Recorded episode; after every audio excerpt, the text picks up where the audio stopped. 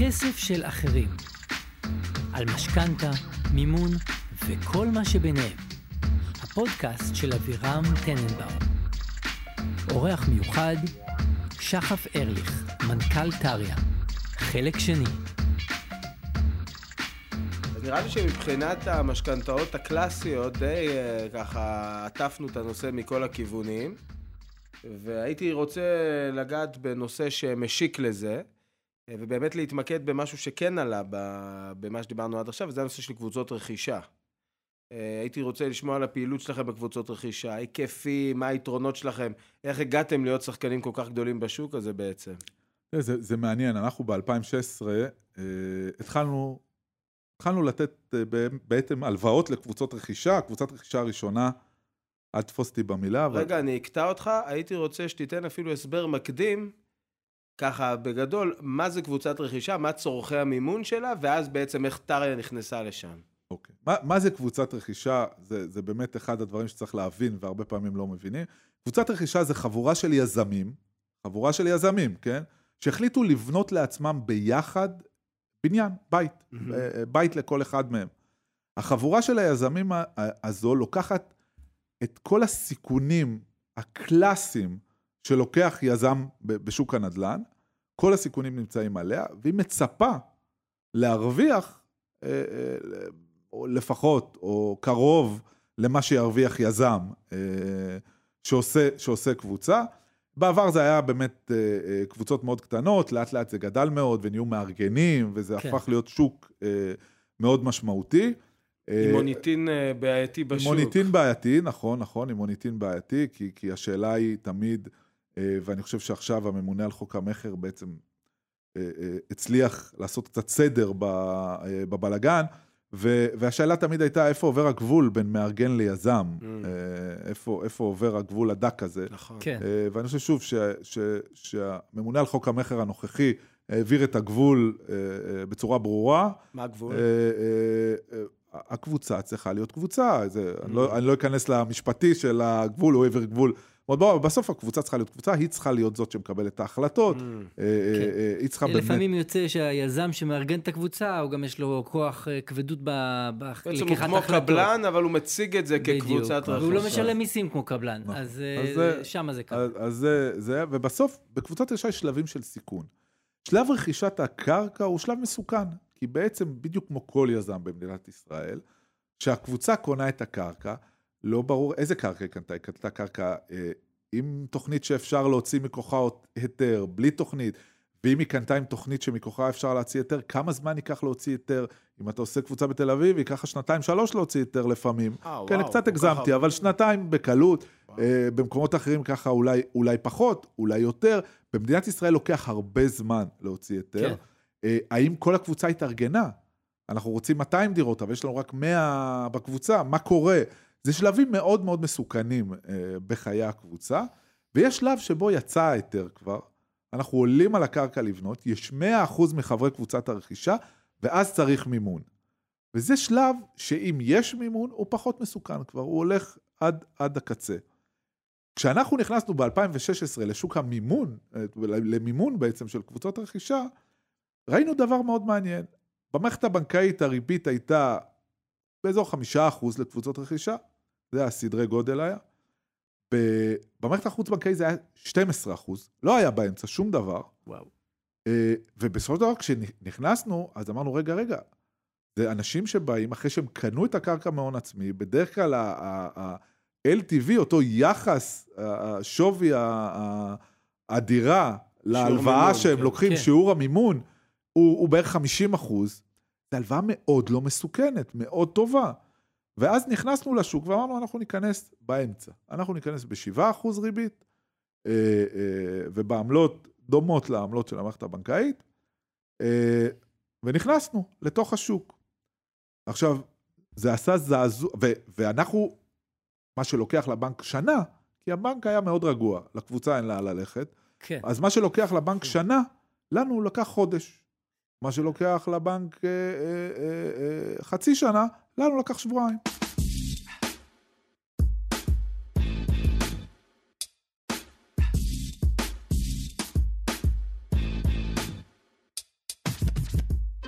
בעצם אה, נכנסתם במודע באיזה ככה כמה אה, עשיריות או אחוז שתיים מעל הבנק, אבל גם מתוך ידיעה שיש לכם יתרונות אחרים שמחפים על זה. בסופו של דבר, אם לך יש היתר, ואתה צריך לחכות שנה, ואני נותן לך את הכסף בתוך חודש, הפער של השני אחוז הוא כלום, כי זה הלוואת גישור לשנתיים. חד הפער. הפער זה, זה, זה, זמן זה כסף. זמן זה המון המון כסף כן. כן. בעולם של נדל"ן, ובעצם זו, זו, הייתה, זו הייתה התחרות, ונכנסנו פנימה. לקח כמה שנים, אבל השוק השתנה לחלוטין. זאת אומרת, הכניסה שלנו לשוק, אנחנו הפכנו לגדולים מאוד מהר. אה, בהתחלה הבנקים התעלמו, זאת אומרת, זה לא עניין את הבנקים, אה, אה, ולאט לאט ראינו שהבנקים משנים את מחלק, המחלקות של קבוצות הרכישה שלהם, ממש מגייסים צוותים, משנים את איך שהם זה, מתייחסים אלינו. זה תמיד בהתחלה, בהתחלה מתעלמים, אחר כן. כך אומרים כמה אתה גרוע, ואחר כך שואלים אם אפשר לשתף פעולה איתך. כן. אה, אה, אז, אז בעצם הם, הם, הבנקים שינו את המחלקות של קבוצות הרכישה. השוק החוץ-בנקאי הוריד את הריביות אה, אה, די מהר. כן. אה, די מהר, כי, כי באמת זה לא התאים לסיכון. זאת אומרת, הריבית לא התאימה לסיכון, הסיכון הוא מאוד נמוך. אחרי שהקבוצה כבר מאורגנת, אחרי שהקרקע אצלה, אחרי שיש היתר, ונשאר כמימון, אז הוא מה, יחסית מה נמוך. הסיכונים בכל זאת? מהצד המממן, כאילו. מהצד. המממן, תמיד הסיכון שזה קבוצה שלמה, ואם חלק מהם נופלים, ואם זה... אז מה קורה אם בחרת- נופלים? אם הם נופלים, אז זה ב- ב- בעולם שלנו בעצם, לקבוצה יש הזדמנות להחליף אותם, או לשלם במקומם, ואם לא, אנחנו נממש את הזכות ו- ונמכור אותה. זאת אומרת, זה אז כמו... בעצם הסיכון. זה, זה משהו שנובע מהתלות ההדדית של האנשים בתוך נכון, הקבוצה. יש בתוך קבוצה איזושהי תלות הדדית, שהיא לא, גם, לא, גם אם אתה מנתק אותה תיאורטית ואומר כל אחד אחראי לעצמו, בסופו של דבר זה אף פעם לא מתנתק לגמרי עד שהבניין כן. אה, אה, מוקם. עכשיו, כשיש 100 אנשים ואחד לא שילם, זה לא ישפיע, זה בתוך ה, מה שקוראים ב, ב, בתקציב של בנייה בצם, בלתי צפוי מראש. מהמם. זה, האחרים יגמרו ואז אה, אה, ימכרו את הדירה הזאת. כן. זה לא, זה לא, אה, לא דרמה, אבל תחשוב על מצב שבו 20% מהאנשים פתאום לא יכולים לשלם. כן. זה, אה, זה סיכון שתמיד תמיד קיים.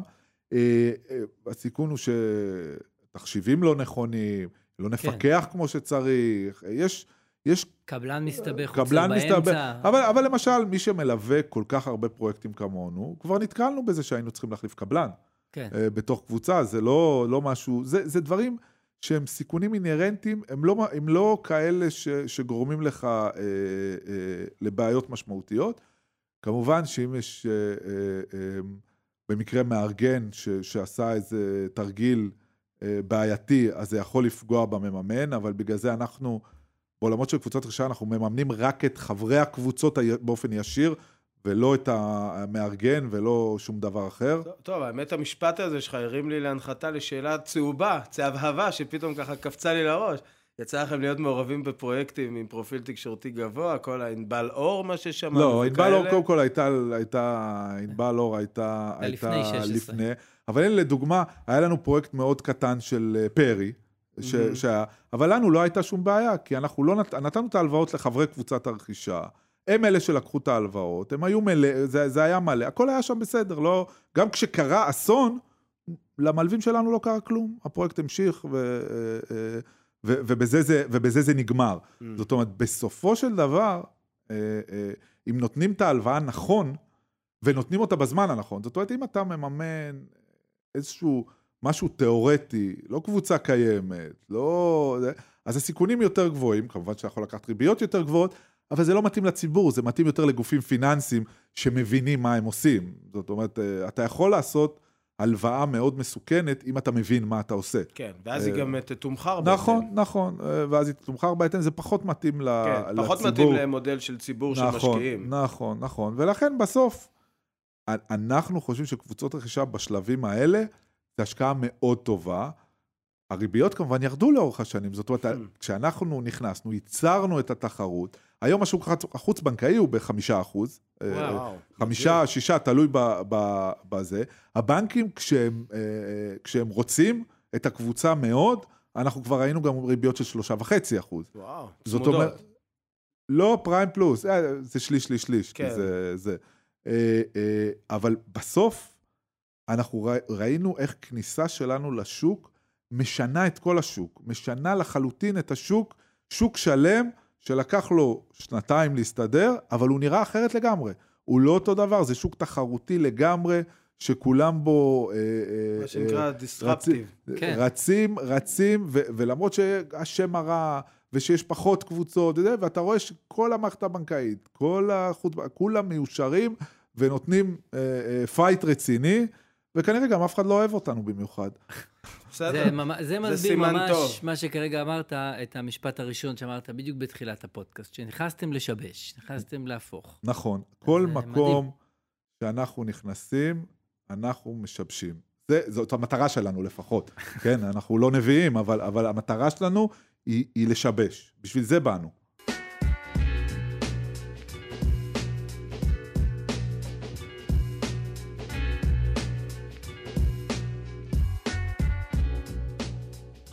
אוקיי, אז אה, תן לי איזה כמה מילים לאן נראה ששוק אה, קבוצות הרכישה הולך. הן מהצד של קבוצות הרכישה והן מהצד של המימון. תראה, אני, אני, אני חושב, אבל זה כבר באמת נבואה, אני, אני חושב שבסוף קבוצות הרכישה אה, אה, עולות ויורדות כפונקציה של שוק הדיור, כמה, כמה יקר לקנות דירה, וכפונקציה של הרעש הציבורי של, של, אה, של דברים של כמו כמה זה ענבל, מסוכן. כמו ו- ענבל אור כאלה. ו- ו- ופרי, זה, זה, זה דברים שמשפיעים. אני חושב שאם אנחנו מסתכלים קדימה, שוק קבוצות הרכישה יגדל מאוד. אה, שוב, מה זה יגדל? בשיא, קבוצות הרכישה היו 10% מהתחלות הבנייה, באמת? קצת פחות וואו, מ-10% לא מהתחלות הבנייה. כזה... אה, אה, כן, באזור 2017, שאנחנו זה, זה הגיע קרוב, לדעתי, פחות. אגב, אבל- למה אתה חושב שהשוק הזה יגדל? בגלל מחירי הנדל"ן? בגלל מחירי הנדל"ן. יותר? נכון. אה, שוב, בגלל מחירי הנדל"ן, זה בין הזדמנות אמיתית לקנות בזול, שיש קבוצות כאלה, לבין אה, אה, אה, חלום לקנות בזול. מקסם שווא. אה, כן. ש, שלא תמיד אה, מצליח. צריך להבין, שוב, שיש פער, אנשים לא מבינים מה זה להיות יזם נדל"ן. להיות יזם נדל"ן זה לקנות היום קרקע ולהתחיל לבנות עליה עוד שנתיים-שלוש. זה מה, ולקבל את הבית. עוד חמש שנים. במקרה הטוב, במקרה ולקבל הטוב. חמש שנים, גם זה במקרה הטוב. במקרה כן. הטוב, אני מסכים אה, לגמרי, כן. במקרה הטוב. אה, אבל, אבל למשל, יש ציבורים שזה, הציבור החרדי זה מאוד מתאים לו קבוצות רכישה. כי זה קבוצות יותר הומוגניות, הוא מתכנן את הדירות שלו לילדים שלו שנים קדימה, ואז לא מפריע לו, אם המחיר הוא זול, לתכנן חמש שנים קדימה, ו, וכבר היום לקנות את הקרקע, על מנת שעוד חמש או שש שנים יהיה לו דירה, וברגע שזה הומוגני, הקבוצה זזה הרבה יותר מהר והרבה נכון. יותר נכון. אה, בתל אביב יש המון קבוצות קטנות שמתנהלות מאוד טוב. אה, אז, אז אה, יש, זה, זה הופך להיות מאוד אה, מקצועי, מאוד נישתי. לאט לאט הדברים ככה... הדברים מסתדרים. נופלים למקום של... והתחרות בשוק המימון תמשיך. זאת אומרת, כי, כי, כי, זה, כי זה הלוואות טובות. זה הלוואות טובות, ושוב, הדיפולטים שם מאוד מאוד נמוכים, והתשואה היא טובה, עדיין, גם אחרי שירדו הריביות, התשואה היא טובה. כן. אוקיי, מעניין. אני יכול להגיד לך שלפעמים אנשים מתייעצים איתי האם, אה, האם להיכנס לקבוצת רכישה. בדרך כלל מה שאני אומר, ושוב, זה דעה אישית לחלוטין, זה שזה יכול להיות מודל מעניין. הוא מגלם לא מעט סיכון, צריך לעשות שיעורי בית, מי החברים בקבוצה, מה קונים, אם לוקחים אה, איש ניהול חיצוני, מי הוא, מה הטרק רקורד שלו וכל מיני כאלה. אבל מה שאני בדרך כלל אומר יחסית בפסקנות, זה שזה פחות מתאים לרוכשי דירה ראשונה. כי הכסף יכול לשכב שם המון שנים, אה, ואם אין לך את האורך רוח ואת היכולת להחזיק עם הכסף הזה חמש, אפילו עשר שנים לפעמים, כן. אז כנראה שזה פחות עבורך. זה מתאים למי שמבין בדיוק מה הוא עושה. זאת אומרת, אתה צריך להבין מתי נכנסת לקבוצה, מה המשמעות, כמה זמן זה באמת ייקח. זאת אומרת, אתה באמת צריך להבין לאן אתה הולך. כי יש קבוצה שהיא עוד שנתיים תיבנה, ויש קבוצה שבאמת ייקח לה עשר שנים. אבל אתה צריך להבין לאן נכנסת, ובאמת צריך להיות לך אורך רוח. אה, ו... וזה נכון, זה נכון, זה לא מתאים אה, לכל אחד ולא בכל מקום, וגם תלוי מאוד מי המארגן. יש כן. מארגנים שהטרק רקורד שלהם הוא כל כך טוב, שאתה יודע ש... שנכנסת לסיפור ואתה אתה תצא עם דירה. ואני אתן לך טוויסט למה שאתה אמרת לגבי דירה שנייה, שיש הרבה מאוד אנשים, נגיד זוג- זוגות צעירים וכאלה שמתחילים את הדרך שלהם, שהאופציה היחידה שלהם לדירה ראשונה זה קבוצת רכישה. כי לא יכולים כרגע בימינו לקנות דירה, אתה יודע, דירת יד ראשונה. הם יכולים. לקנות משהו יותר זול. לא, הרבה פעמים הם אומרים, זה, זה איזושהי תפיסה, אפשר להתווכח עליה. אני היום אתן יחסית מעט כסף, כי אני קונה רק את הקרקע, או אני קונה כן. התחלה של הקרקע, ואני, זה בסדר, זה טוב לי שזה לוקח חמש-שש שנים, כי אני אוסף את הכסף אה, במהלך החמש-שש שנים האלה. אה, לא תמיד זה נכון, כי בינתיים אתה גם גר בשכירות, ובינתיים אתה, אתה מוציא כסף. אתה גר בשכירות, ואם אתה קונה ו... בית, אז היית נכון. נהנה מעליות מחירים. נכון, נכון, נכון, נכון, נכון, יש לזה, זה, אבל אם נסכם את זה, אתה צריך להבין טוב טוב לאן נכנסת. חד משמעית, ובעצם הנושא האחרון בהקשר של קבוצות הרכישה, אז בעצם אתם כחברה, אתם, אתם עושים מאמץ מיוחד, שמתם לכם את זה ליעד, להשאיר את, ה, את חברי הקבוצות במחזור אחרי שהם מסיימים את הבנייה, או, ש, או שזה משהו שהוא טבעי, חלק אצלכם, חלק בבנק? אנחנו, הממוצע שלנו מאוד טוב בהישארות. אה, אנחנו נאמנים לתפיסה שלנו. יש אה, בנקים שנותנים לחברי קבוצות הרכישה הלוואה ל-20 שנה בריבית של החמישה אחוז, ואם החבר שוכח, אז הוא נשאר בתוך ההלוואה. אם הוא רוצה למחזר, העמלות פירעון זה נכון, פחד אלוהים. נכון, נכון. אז אנחנו נאמנים לגישתנו, שכל אחד יכול לעזוב מתי שהוא רוצה. אנחנו ממחזרים את האנשים למשכנתאות, הרבה פעמים אנחנו מחזרים אותם אה, מהר יותר ממה שהבנקים יכולים, ותמיד אנחנו אומרים להם, הנה מחזרנו אתכם, הנה משכנתה. שתוכלו לעבור לבנק. אה, אה אתם יוזמים את המחזור? כן, כן, אנחנו יוזמים, בעצם אנחנו באים... בעצם ביוזמתכם אתם מוזילים להם את הריבית? ביוזמתנו אנחנו אומרים להם, הסיכון השתנה, ויש לכם אה, אה, טופס 4 עוד רגע, ואתם יכולים לעבור למשכנתאות. ולכן בואו, כמובן, תחתמו, תעשו, תעשו חיתום, הכל, אבל בוודאי, אם הסיכון השתנה, ואני יכול לתת לו הלוואה, אז אני פונה אליו ואומר לו, אתה צריך לעבור תהליך, זה לא, לא אוטומטי. ברור, אבל זה מדהים שאתם אבל, יוזמים את זה. אה, אה, אה, אבל אתה צריך לעבור תהליך, ואתה, זה, בסופו של דבר זה אומר שהוא, שהוא נשאר. Mm-hmm. שהוא נשאר. הרי אחרת הוא פשוט באיזשהו שלב יבין שהוא יכול לקבל הצעה טובה. נכון, כן. נכון, וזה זה, זה בצד אחד, ובצד השני, אם הוא רוצה לעבור למערכת הבנקאית, אה, בוודאי שהוא יכול, בוודאי שהם גם עושים את זה, זאת אומרת, ברור, ברור שלא 100% אה, נשארים אצלנו, אבל הרבה מאוד uh, מהלקוחות נשארים אצלנו. הרבה מאוד מהלקוחות גם נשארים אצלנו, ואני לפעמים מדבר עם uh, לקוחות, ולא תפסתי מישהו שהוא באמת uh, שחקן ש, שיכול לקבל ריביות מאוד מאוד טובות במערכת הבנקאית, ואמרתי לו, אתה בריבית גבוהה אצלנו, לא, איך, איך זה, תסביר לי, כאילו, מה, הרי, הרי אתה מבין את זה, לפחות כמוני. אה, אז הוא אמר לי דבר פשוט, הוא אמר לי, תשמע, אני מנוסה מאוד, והדבר היחיד שאני יכול להגיד לך על טריה, זה שאני יודע בדיוק מה אני משלם, כמה אני משלם ומתי אני משלם, ובכל מקום אחר זה לא ברור לי. זה נכון שזה נראה הרבה יותר זול, אבל זה לא ברור לי. אני, אני מעדיף לשלם, אפילו אם זה קצת יותר, אבל שאני יודע בדיוק כמה אני משלם, וגם אני יודע שמתי שבא לי אני יכול לקום וללכת. אתה לא מחזיק אותי. מתי שבא לי אני יכול לקום וללכת, ואני בוחר לא ללכת. אז זה, אולי גם זה, זה, אנחנו צריכים להוכיח את עצמנו, גם למלווים, גם ללווים, גם, זה, בכל רגע נתון, שאנחנו... מעולה, שאנחנו ראויים לאמון. סופר מעניין, אני אוהב גם את תמיד שיש את החשיבה הדו-כיוונית הזאת, מצד כן. אחד על הלווים, מצד שני צריך לשרת גם את האינטרסים של המלווים. יש בזה משהו מאזן. כן. זה גם מונע ממך ללכת למקום הרפתקני מדי. נכון. כי הלווים אה, פתאום, אה, סליחה, המלווים, זה לא תואם לאסטרטגיית ההשקעה שלהם. כן. זה, זה נחמד, זאת אומרת, זה נורא מאזן, וזה גם משרת אינטרסים של, אה, של כמה ציבורים.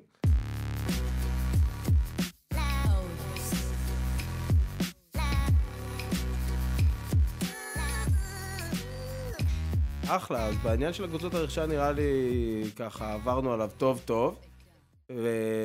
ועכשיו הייתי רוצה לגעת במוצר חדש שלכם, או שבעצם תגיד לי אתה כמה הוא חדש, נושא של הלוואות בנקודת מכירה. אז מה זה? אה, זה, זה גם, אני, אני אגיד בכמה דקות, ואז נדבר על לאן השוק הולך, כי תמיד זה מעניין לאן השוק הולך ולא איפה אנחנו היום. אגב, לפני שנכנסים לזה, זה נושא שהוא לגמרי לא קשור למשכנתאות, פשוט אנחנו כבר פה ומדברים. זה מוצר מעניין, גם חדשני בשוק הישראלי, אז אני חושב שזה משהו שבהחלט שווה להכיר אותו לעומק.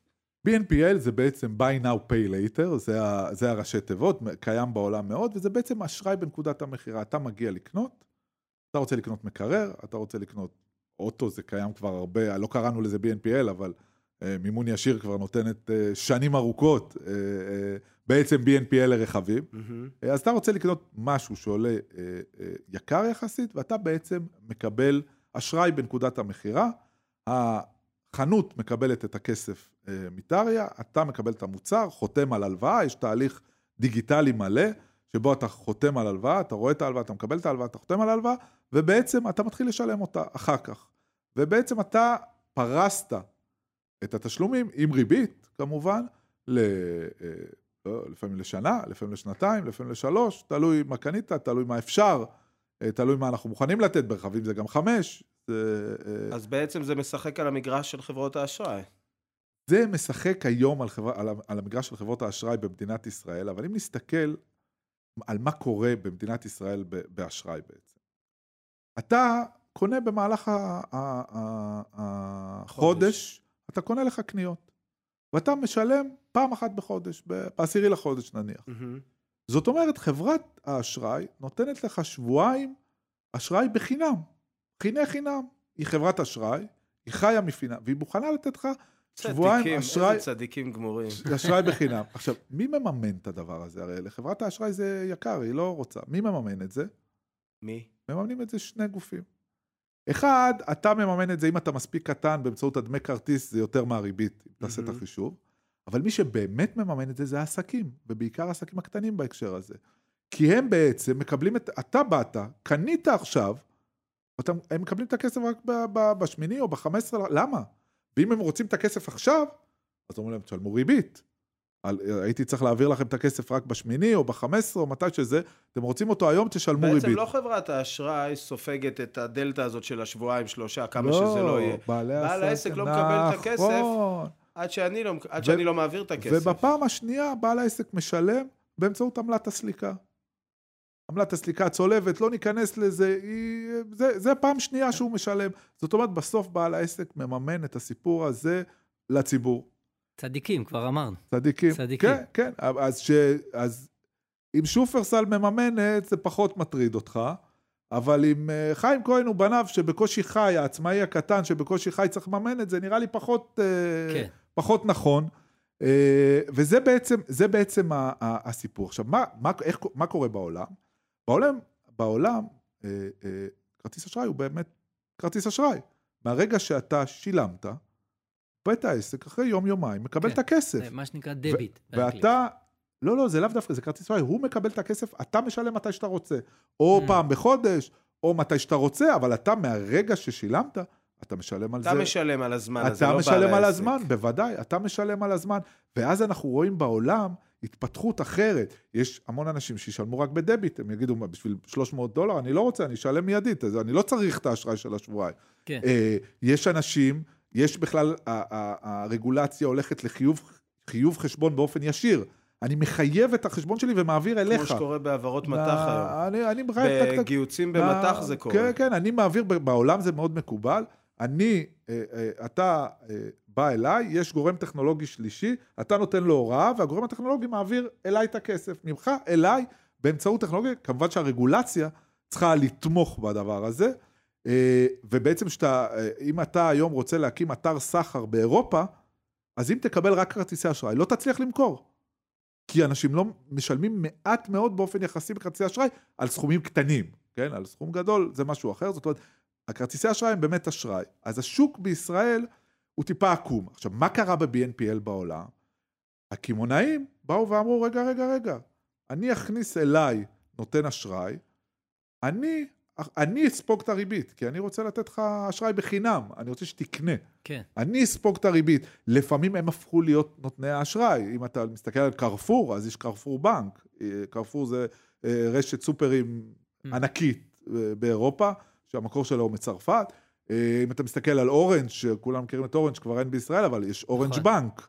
זאת אומרת, בעולם המילה בנק היא טיפה שונה מבישראל, יש המון סוגים של בנקים, ולא רק סוג אחד. כמו בישראל, אה, ובעצם הקמעונאים הפכו להיות שחקני, אה, או שהם בעצמם הפכו להיות שחקני אשראי, או שהם צירפו אליהם שחקני אשראי ואמרו לשחקני אשראי, עזבו, עזבו, אני אממן את הריבית, תנו לזה. בעצם כמו שלחברת רכב יש הסכם עם מימון ישיר, או עם איזושהי חברת מימון אחרת, שביחד סגרו מעגל, זה נותן את המוצר, זה נותן את המימון, כן. ככה הם סוגרים את המעגל, אז אותו דבר קורה בקרב קמעונאים או עסקים אחרים. בנקודות מכירה, והיום אתה מסתכל באירופה, ואתה רואה שגם אה, אה, כשנכנסים לאתרי סחר פשוטים, שאתה אתה קונה ב-30 יורו או 40 יורו, אז נותנים לך ארבעה תשלומים בלי ריבית, באמצעות buy now pay later, וכל מיני כאלה, אה, אבל זה משחק שהוא מצריך המון רגולציה.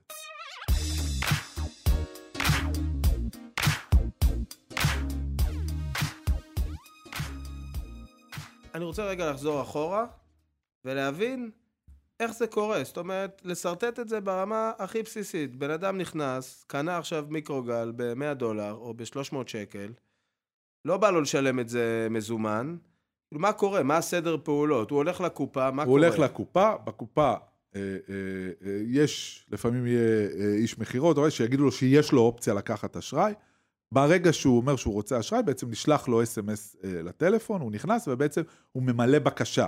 הבקשה היא, ה- ה- מה הוא, מה הוא רוצה בכסף כבר זה, זה קיים, מהמם. אבל הוא מלא בקשה ובו אומרים לו כמה ריבית הוא ישלם וכמה יהיה התשלום החודשי, ואז מתבצע חיתום, באותו רגע מתבצע חיתום. הכל מאוד מהיר, אני מניח. הכל מאוד מהיר, אני צריך לזהות אותו, לראות שהוא לא מרמה, יש כל מיני אה, מערכות על מנת לראות שהוא זה הוא, אה, ו, ו, אה, אבל, אבל בסופו של דבר אני צריך לזהות אותך מאוד מהר, ואני צריך לבצע עליך חיתום מאוד מהר, ולהחליט אם אני נותן לך אשראי או לא נותן לך מה אשראי. תנאי ההלוואה? ומה? הריבית, מה תנאי ההלוואה זה כמה עולה אותו אדום. זה יכול להיות 4% ריבית ויכול להיות 9.5. זה תלוי... אה. אה, אה, בהתאם לב- לתנאי- בהתאם למקום, לבן אדם, ל... האם יש כרית או אין כרית, האם הקמעונאי משחק בפנים או לא משחק. בפנים. יכול להיות קמעונאי שיבוא ויגיד, אני נותן כרית ביטחון של מסבסד. 10 אחוז, אני מסבסד. אני, אני, אני שם עשרה, לא רק שאני מסבסד, אני שם מראש בטוחה. 10 אחוז בטוחה שהמלווים לא יראו אף פעם, כי ב-10 אחוז צולב, אף פעם המלווים לא יראו דיפולט, Mhm. באמת. זאת אומרת, צריך לקרות אה, דברים מאוד חריגים. כן. כדי שהמלווים יראו דיפולט. זאת אומרת, זה מאוד תלוי בגישה של, של הקמעונאי, וזה גם אה, אה, מאוד תלוי בלקוחות, בסוג הלקוחות, ב, במי מגיע ומי מבקש ו, וכולי. בעצם זה נגזר מהחיתום האוטומטי שקורה נכון, בשטח. זה נגזר בסוף מהחיתום, אה, וככל שהזמן יעבור ונהיה יותר דומים, אה, יותר דומים לאירופה או יותר דומים לארה"ב, אנחנו נראה לאט לאט שה-BNPL הוא בעצם מוצר חינמי. אז מה, מה יניע בעצם את השוק הזה? הצור, ההתקוממות של ה... של ה... ה... של ה... של ה... זאת אומרת, של העסקים? לא, או זה עוד פעם רגולציה? זה בסוף תמיד תמיד רגולציה, זה הרצון אה, אה, אה, לייצר תחרות. זה הרצון לבוא ולהגיד, אוקיי, הבנו, עכשיו כרטיסי אשראי יהיו כרטיסי אשראי, ובנקים יהיו בנקים, ושחקנים טכנולוגיים יהיו שחקנים טכנולוגיים, ונראה איך אנחנו עושים שיבוש לשוק הזה, ומגיעים אה, אה, למצב שבו התחרות עושה טוב יותר ממה שהיה לפני. אה, וזה התפקיד של הרגולציה. אי אפשר בשוק פיננסי לעשות את הדברים האלה בלי רגולציה. כן.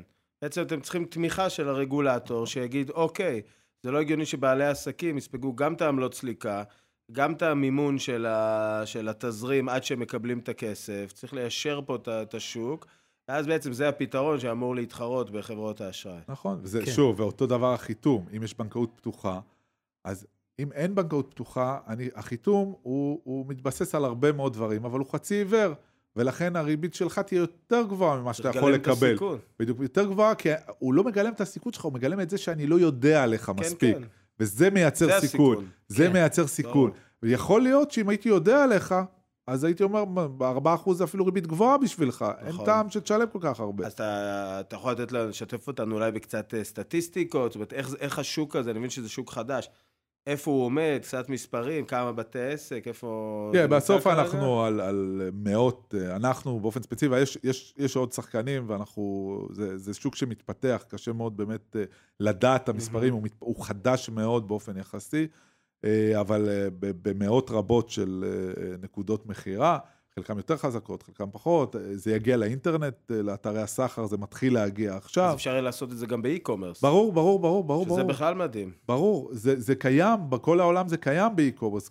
רוב הפעילות נעשית באי-קומרס ב, ב, כן. אה, בעולם. אתה כבר על המחשב. אתה כבר על המחשב, כן. אתה כבר זה, אני אעשה לך חיתום, אתה, זה, בעולם, אה, זה הולך ומתפתח, אה, אה, הדבר הזה, אבל בוודאי, בעולם, אתה יודע, קונים רכב במחשב.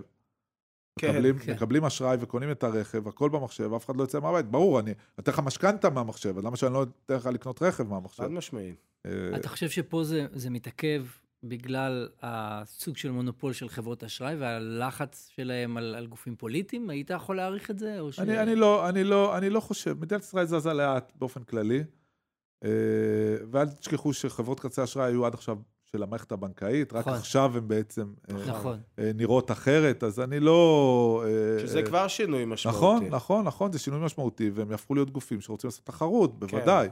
אה, כשאתה של בנק, יותר קשה לך להתחרות עם הבנק. אתה פחות, משמעית. פחות נעים לך להתחרות עם הבנק. כן. אני אומר, חברות כרטיסי אשראי זה חברות גדולות, חזקות, שעכשיו הן עצמאיות, בוודאי שהן יוסיפו לתחרות, אין לי ספק ב... לא, אבל בעניין הזה. יכול להיות שהם כן ירצו לעכב את ה-BNPL הזה. בוודאי. כל. כל, כל מתחרה רוצה לעכב את המתחרה שלו, וכל ברור. מתחרה בוודאי ובוודאי שרוצה לעכב את הגורם המשבש שמשנה את כל השוק. אה, בסדר, אני חי עם זה, זה בסדר.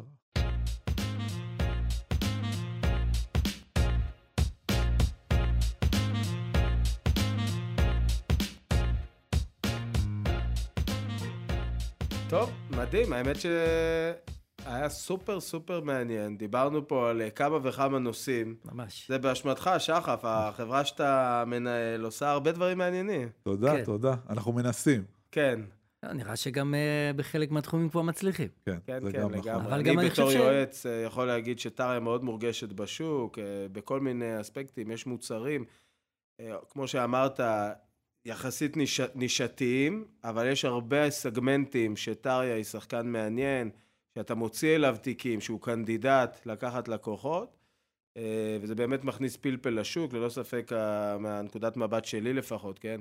אה, הגורם החוץ-בנקאי המוביל בשוק, ובגלל זה גם מאוד שמחתי שיכולנו להקליט פה פרק של הפודקאסט ביחד.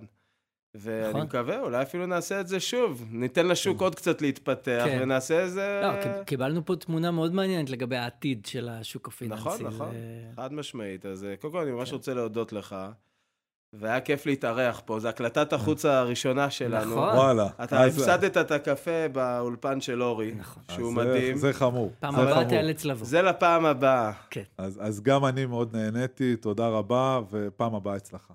יאללה, שיהיה אחלה יום. אחלה תודה. רבה.